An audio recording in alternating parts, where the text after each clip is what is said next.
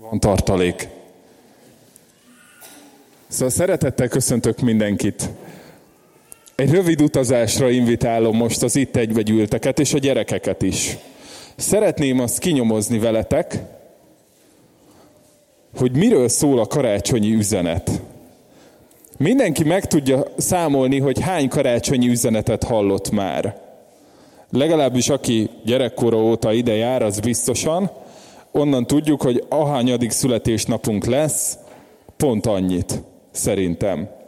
És hogy a kérdés az az, hogy, hogy akkor most mindig ugyanazt az egy történetet halljuk újra, meg újra, és kicsit már kezd uncsi lenni, vagy vannak újabb történetek, minden évben más.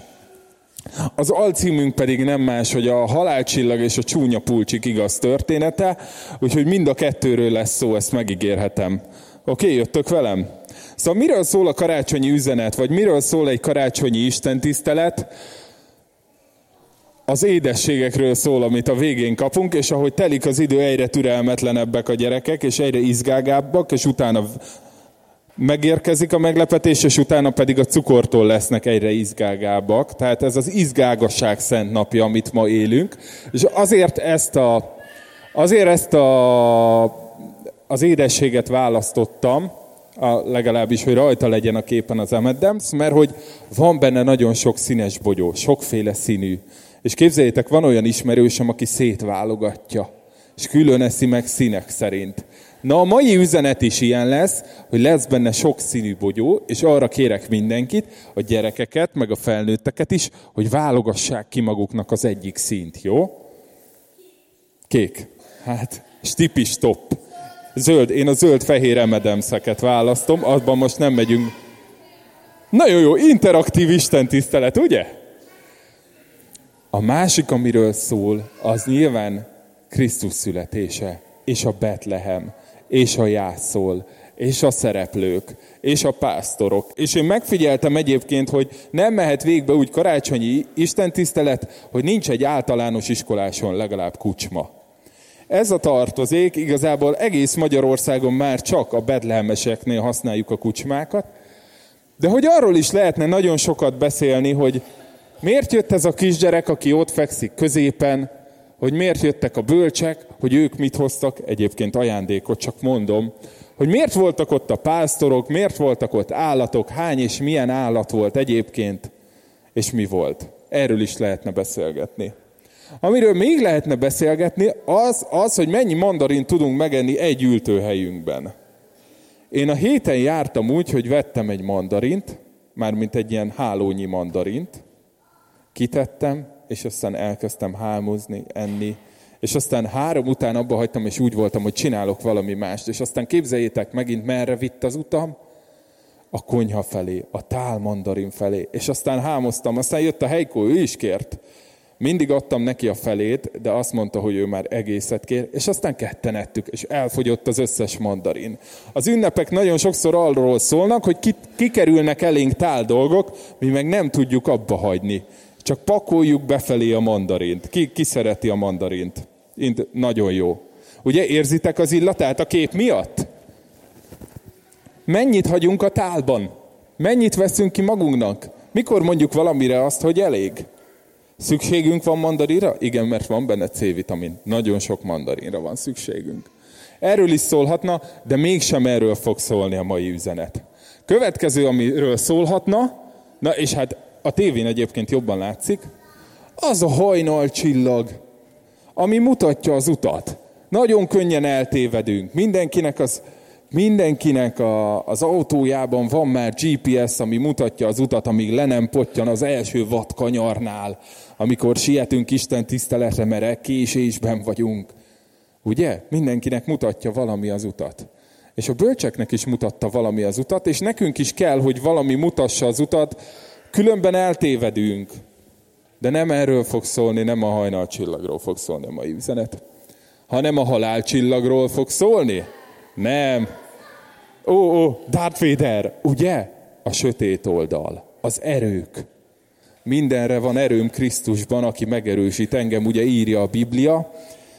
Ezt már George Lucas is jól tudta a 70-es évek óta, és vannak, akik rossz dolgokra használják az erőt, vannak, akik jó dolgokra használják az erőt, és ők küzdenek egymás ellen, és ugye a hajnalcsillag meg a halálcsillag az majdnem ugyanaz, ha így gyorsan mondjátok egymás után, de mégsem erről szól a mai történet, hanem a csúnya pulcsikról. Na nézzük, kinek van csúnya pulcsia otthon. Láttam én, ma valakit láttam ide bejönni csúnya pulcsiban. Egyébként, na most, de ez, ez nem baj, tehát aki esetleg nem ismerné ezt a mozgalmat, nem baj, ez az az eset, amikor nem baj. És egy történetet hoztam nektek, úgyhogy most nagyon szeretnék minden gyereket, hogy figyeljen, mert most jön a történet. Ez a történet Zoliról szól. Zoliról szól. Zoli egy hetedikes kisfiú, akinek a szülei Németországban dolgoznak, ezért Zoli a nagyszüleivel él. Nagyszülei már nagyon öregek, majdnem annyira, mint Panovapó. Annyi a különbség, hogy nem Oroszországban élnek. És Zolinak mindig problémája van a nagyszüleivel, mert a nagyszülei nem értik a modern és menő dolgokat. Mondhatnám azt is, hogy a vagány dolgokat, de akkor kiderülne, hogy én sem értem, mert hogy a vagány az már nem menő, azt hiszem. A cool dolgokat, a fresh, a top dolgokat nem értik ezek a nagyszülők. Jó, jó mondom? Bologat, jó. Szóval nagyszülők nem értik. Olyannyira nem értik, hogy Zoli összesporolt a zseppénzéből, képzeljétek, egy szakadt farmer nadrágra. Összesporolt egy szakadt farmer nadrágra Zoli, az összes pénzét rá egy fél évig gyűjtötte. Végezte a házi munkát, hogy kapjon pénzt, összegyűjtötte a pénzt, és képzeljétek, föl, volt rajta háromszor, bekoszolódott, kitette a mosásba, és mire legközelebb hazaért, a nagymamája bera, bevarta a lukakat a szakadt farmeron. Az összes lukat befoltozta. Képzeljétek el! Nagymama nem értette, hogy mi a jó a szakadt farmer nadrágban. És hát a második ilyen, amikor nagymama nem értette a dolgokat, akkor Zolinak az általános iskolájában csúnya pulcsi szépségversenyt rendeztek. Az volt a cél, hogy kinek van a legcsúnyább pulcsia az egész osztályban. És mindenki kereste a csúnyábbnál csúnya pulcsikat. És hát Zoli is ment, és mondta a nagyszüleinek, hogy nagymama, kellene pénz, mert szeretnék venni egy csúnya pulóvert. Nagymama teljesen kiakadt. Csúnyát? Hát ne vegyél föl csúnyát, hát mit fognak hozzád szólni az iskolában, meg az utcán. De én szeretném megnyerni ezt a versenyt, nagymama. És képzeljétek, a nagymama nagyon szigorú volt, és azt mondta a Zolinak, hogy az ő unokája bizony csak gyönyörű pulóverben mehet. Kész katasztrófa. Egy gyönyörű pulóverben elmenni egy csúnya pulcsi versenyre. Érzitek? Szörnyű dolog. De hát Zoli egy engedelmes unoka volt. Fölvette a legszebb pulóverét, és elindult az iskolába a csúnya pulcsi versenyre. Kicsit magába szomorú volt. Félt, hogy ki fogják nevetni, hogy mit fognak szólni a többiek, a vagányok, bocsánat, a menők. Mit fognak szólni hozzá? Beérkezett, alig merte levenni a kabátját, nehogy a többiek meglátják, meglássák, hogy rajta egy gyönyörű pulóver van. Rá is szólt a tanítónéni, hogy te Zoli, te miért nem akarod levenni a pulóveredet? Hát tanítónéni, azt hiszem én leszek az utolsó. Milyen utolsó? Hát a csúnya pulcsi versenyen az utolsó. Tanítónéni már ekkor megsajnálta Zolit. Aztán másodjára akkor sajnálta meg Zolit, amikor meglátta, hogy az osztályban mindenkin, kivétel nélkül rondábbnál rondább pulóverek vannak. Rikító sárga, neonzöld pulóver. Volt, amin ledes karácsonyi égők voltak körbe-körbe olyan is volt. Volt, amire kis díszek voltak aggasztva. Nagyon ronda pulóverek voltak. Zoli meg egy gyönyörű norvég mintás garbóban ült a sarokban és szomorkodott. Tanítónéninek nagyon nem tetszett ez. Nagyon nem tetszett. Nem értette, hogy aki ilyen szépen fölöltözött, aki ilyen engedelmes volt, az miért legyen szomorú? És gondolt egyet a tanítónéni, szót kért, és azt mondta, gyerekek, változás van. Ma nem csúnya pulcsi verseny van, ma gyönyörű pulcsi verseny van. Az nyeri meg az ajándékcsomagot, a rengeteg édességgel, csak mondom, akin a legszebb pulóver van. A gyerekek méltatlankodni kezdtek. Hát de a gyönyörű pulcsik, bocsánat, a gyönyörű pulcsik nem is menők, a csúnya pulcsi a divat. Tanítónéni azt mondta, ez az új szabály. Na nézzük, kinek milyen pulóvere van. Hirtelen elkezdtek pironkodni a csúnya pulcsis emberek, és egy ember állt büszkén a terem közepén, Zoli.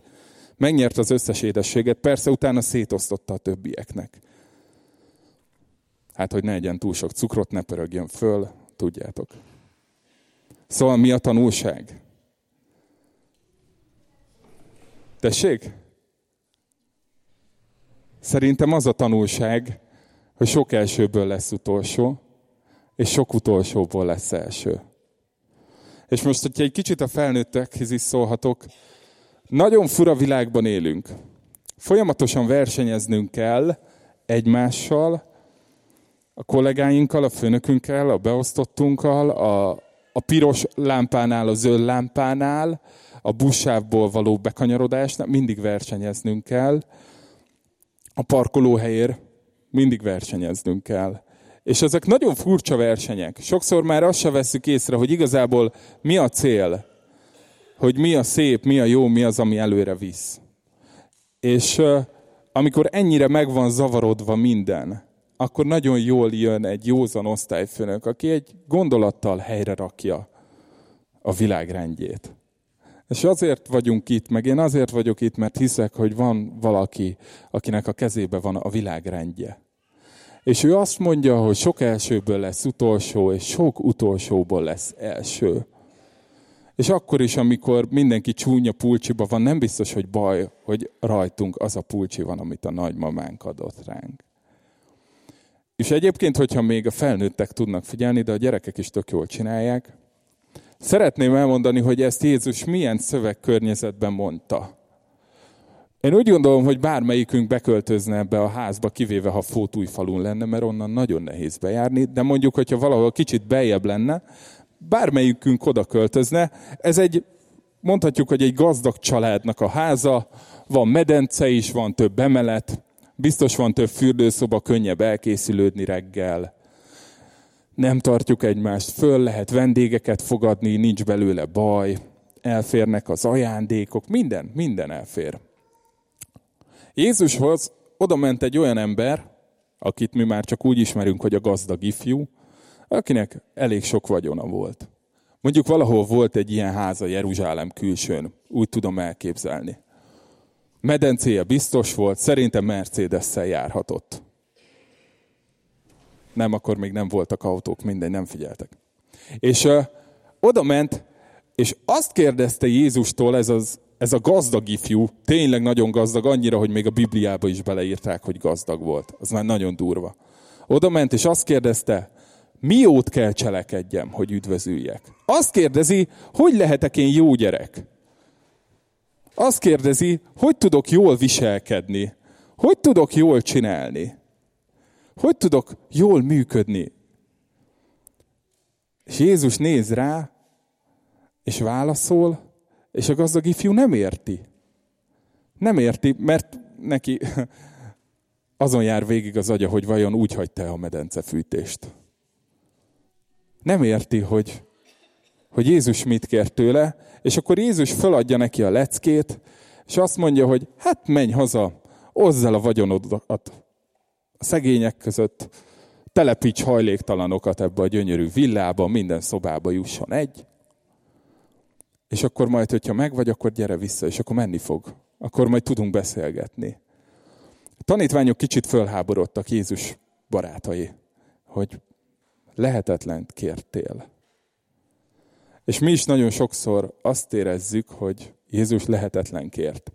Már, már azzal is, hogy jól kéne viselkedjünk, jól, jól kéne viselkedjünk, jól. És közben meg, utána meg azt kéri, hogy add oda azt, ami neked a legfontosabb, amiben a legjobb vagy, a leggyönyörűbb pulóvered, meg az összes édességedet, azt add ide nekem mert igazából tőlünk kaptad. És Jézus azt mondja a tanítványoknak, hogy embereknél ez lehetetlen, de Istennél minden lehetséges. Jézus rájuk tekintett. Rájuk nézett, és látta, hogy ők is képtelenek dolgokra.